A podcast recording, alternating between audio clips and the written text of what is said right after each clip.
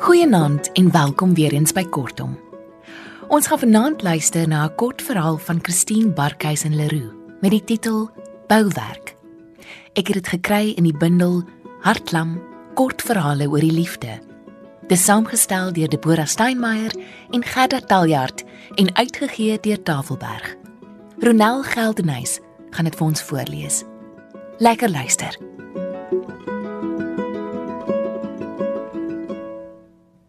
Dis toe die maartlelies die oggend van die 16de hulle pink kelke oopvou dat sy diep sluit neem. Verander kan sy die situasie nie, maar sy kan iets doen. In plaas daarvan om elke nuwe dag die kussing oor haar kop te druk en nie son of reën of wolke te wil sien nie. Van Herklaas weet sy skaars. Hy kom saans van sy werk by die vervoerbesigheid, gaan sit voor die televisie, kyk die nuus en weer gaan slaap. Sy bring sy kos vir hom en neem die skinkbord later weg. Hulle praat nie. Sy neem hom nie kwaadlik nie. Sy dink ook nie hy verkwalik haar nie. Die stilte is 'n dooie, stinkende hond in die huis. Ook die groentetuin verwaarloos op hierdie plek wat Herklaas 'n paar jaar terug gekoop het. Hy maak dit nie nat nie en sy kom skaars uit die kamer, wat nog te sê uit die huis. Die tuinman wat kamptig moet help om na die paar skapies en hoenders te kyk, sit waarskynlik sy dae onder die koelteboom om met 'n selfoon teen sy oor. Sy weet nie. Sy kyk nie. Dielman is die onbruikbaarste stuk werkmens wat daar is. Het Herklaas gesê toe die man 2 weke nadat hy kom werk soek het op 'n Sondagoggend slingerend teen die agterdeur gehamer het op soek na die skape wat hy moes oppas. By die lelies buik sy. Druk haar gesig in een van die diep kelke. Die sagte geur is soos 'n gawe wat haar vul. Hoe onwaarskynlik dat 'n blom soos hierdie so ongesiens onder die grond kan leef om byna oornag oop te vou tot 'n teerheid wat 'n mens nie in enige taal of klank kan beskryf nie. Sy trek 'n paar ou jeans aan. 'n Teem van moeilik definieerbare kleur weens al die wasse oor die baie jare. By die draadkampie kry sy hom. Selfoon in die een hand, ander hand met 'n hoopie lucern wat hy na binne gooi. Die eerste paar woorde kom nie hard genoeg uit nie. Sy skrap haar keel. Probeer weer. Tielman, ons het werk vandag. Die man is traag. Die afgelope weke se vredige luiheid sit in sy beendere. Teen 12uur is sy gesig donker van die sweet. Sy self moet 'n ander hemp gaan aantrek. Sy gooi koeldrank in, maak 'n toebroodjie vir hulle albei en neem syne na waar hy in die akkerboom se skadu sit. 'n Uur se rustyd, dan val sy weer saam met hom in. Daar's lyklik genoeg op die plot. Dis die grootste vloek wat Herklaas getref het toe hy die plek gekoop het sonder om genoeg navraag te doen. Van die stukkie plaas wat hy wou maak van die grond, het nooit regtig iets gekom nie. Die grond is brak en verder net la en la klip op mekaar. Vertel man het hy teen sy sin laat aanbly teen die minimumloon. Niemand op die ander plotte wou die sukkelaar by hom oorneem nie.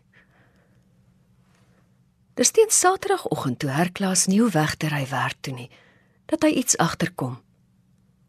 Toe hy in die huis kom van die skape afvraai, "Wat is aan die gang? Wat werskaf jy in Tielman so daar teen die randjie?" Sommer maar. Dis of sy verleer het om te praat. Asof sy nie met asem en 'n tong reg kan laat geskied aan dit wat in haar hart en bloed sit nie. Kyk sommer of ek iets met die klip kan maak. 'n Oomblik huiwer sy. Ek kan nie langer so aangaan nie. Hy knik. Haal sy hoed van die eysterhak af. Hierdie een keer maak hy die sifdeur sag agter hom toe.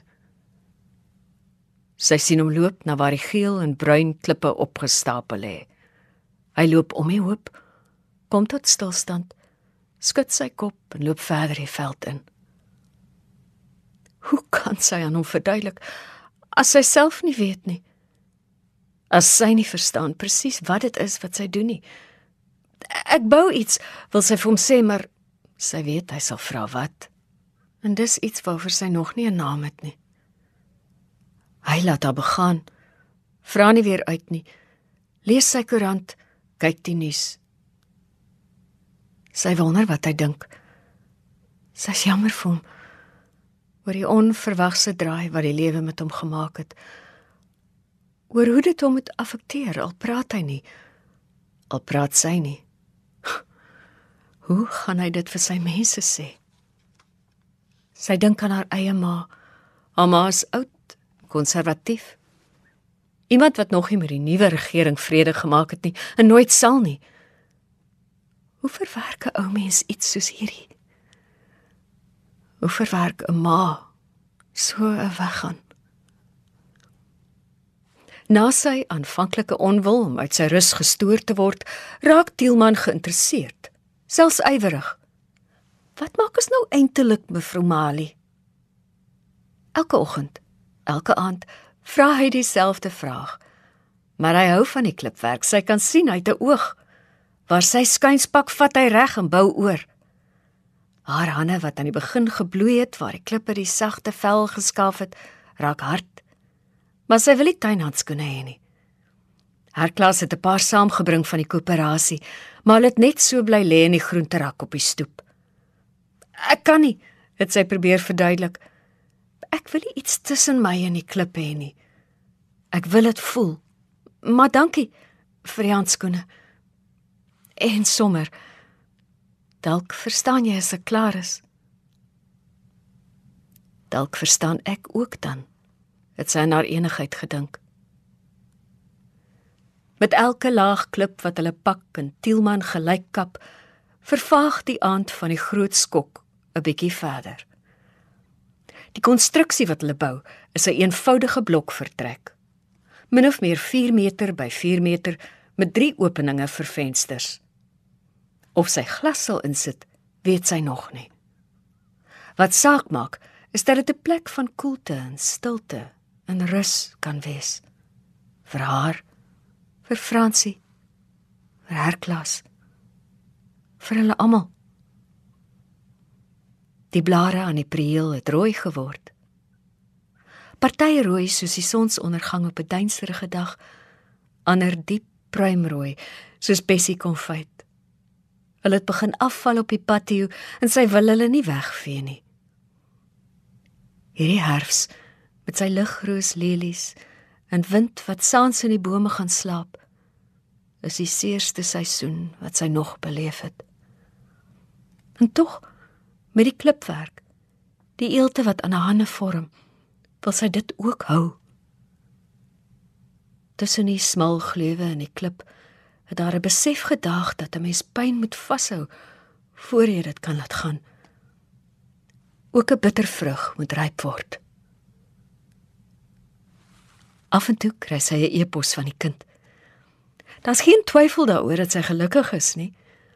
Op die foto's wat sy saamstuur blink haar oë en kyk sy sonder twyfel of heimwee. Daaroor is Mali bly. Sy gun haar dit met alles waarmee 'n ma kind iets kan gun. En dalk is dit wat die hardste geslaan het.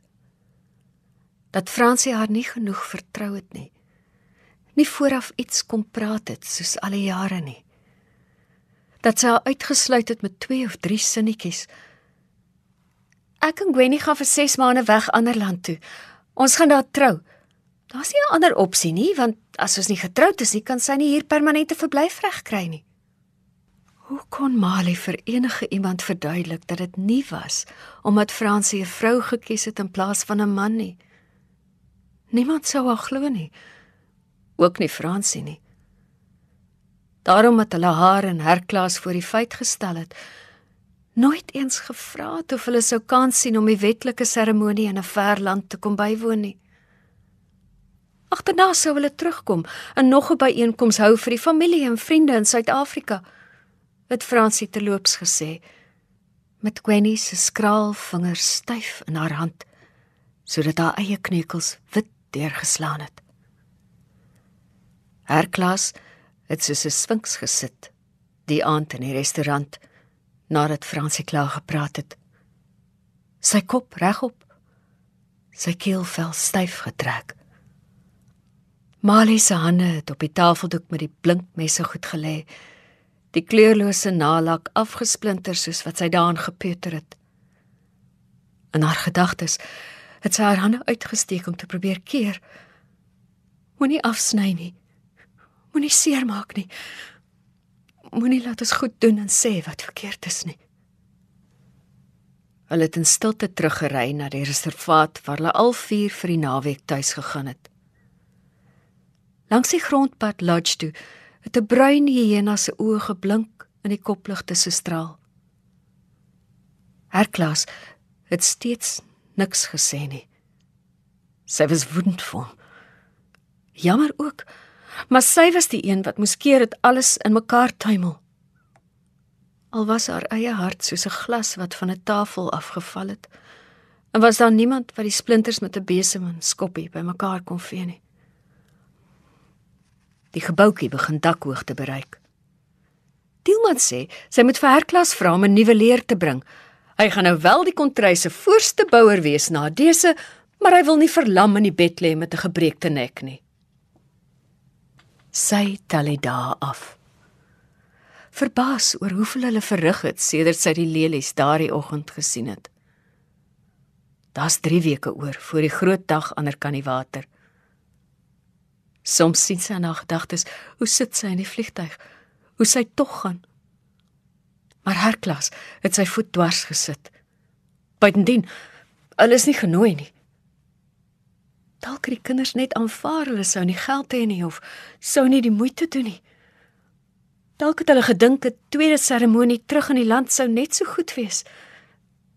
Dalk maar die pyn oor die verlies om uitgesluit te word van haar kind se grootste dag is groter as enige regverdiging wat sy al vir hulle probeer uitdink het. Dielman skud sy kop toe sy 'n stuk van die voorhandsig laat afbreek. Sy het dit vir laaste gehou sodat hulle uit die foute aan die agterkant en sye kan leer. Die kant waar die deur moet kom, sal beter afgewerk wees as die res maar die opening moet in die vorm van 'n koepel wees. Besef sy toe Tielman die kusyn van Rivehout insit. Dit moet lyk soos hande wat na mekaar toe vou. Tielman brom en dreig om te loop. Smiddag gee sy ekstra snye brood en saans meer kos. Tielman bly. Vir die eerste keer in lang weke kom daar 'n blyheid op uit haar binneste. Haar klas kom soms kyk, skud sy kop en draai om. Ek weet nie wat dit is nie, maar so al lelik nie. Merk hy een keer op. Sy kan hom nie antwoord nie. Wat is dit? 'n Simbool? Maar waarvan? Tilman se oë dop en hulle kasse om. Toe sy sê die dak moet ook van klip wees. Sy kan sien wat hy dink. Mevrou Mali is nou die Nenta in. Sy's nes daai skape as hulle krimpsie kry van die Nenta bosse ander kan die drif. Sy is nie mal nie. Ten minste nie oor die dak nie. Op die dorp by die Hollander 'n klomp kliphuise teen die rivier gebou en by hom gaan kyk sy af. Gaan vra hoe hulle met die onderlaag moet maak om die klip bo op te kan lê. Klip wat ook van bo af sal isoleer verlafenis in die somer en om hitte binne te hou wanneer die winter kom. Op die buurdorp loop sy deur raak wat pas by die beeld wat in haar kop begin vorm aanneem. Jan, 'n skrynwerker en vriend uit herklas se skooltyd, kom eenmiddag op haar versoek. Hy loop al rondom die bousel om te kyk en meet. Uiteindelik ry hy met die deur agter op sy bakkie weg na sy werkplek. Na 2 weke bring hy dit terug en maak dit pas in die kusyn. Dis nou regtig 'n mooi klein kerkie wat jy hier gebou het. sê hy toe hy in herklas en sy en Tielman terugstaan om te kyk. Sy hou haar asem in. Hoe bou 'n mens iets sonder dat jy weet wat dit is? Maar hy's reg. Dit is wat dit geword het. 'n Ruwe, koel klipkerkie waar haar hart kan rus. Op die almanak trek sy die laaste dag voor die troue met 'n kruisie deur. Oor 'n paar uur sal haar kind haar naam in 'n register teken. Sy en Gwenny albei. Gwenny met die groot swart oë. Gwenny wat sy saam met haar eie kind in haar hart wil toevou. As sy dit net wil toelaat. Daar sal getuies wees wat die register saam met hulle teken. Gwenny se ouers maar daar sal nie orgelmusiek wees nie. Sy wat Mali is, sal nie die moeder van die bruid wees nie. 'n Mens kan die reën ruik nog voor dit val. En daarna die geur van die nat grond terwyl sy en Tielman die laaste gladkapwerk aan die binnekant doen. Die sweet laat haar oë brand. In die weke, die maande wat hulle gepak het aan die mure, 'n Tielman van 'n niks geagte man in sy eie kontry verander in iemand wat regop loop. Iemand wat sy maar arm seëning taai gewerk het. In die skemer hier binne druk hy sy hande met eens eerbiedig te mekaar en met 'n bewing in sy stem sê hy: "Mevrou Mali, ek het dan nou 'n bouer geword. Ek Tielman oorskot." is vandag 'n bouer. Sy lê haar hand op sy skouer. Hoor die sagte sifreen en die roep van 'n duif. Ek ook. Antwoord sy binne toe. Ek het vir my kind 'n kerk gebou. Een sonder klippe.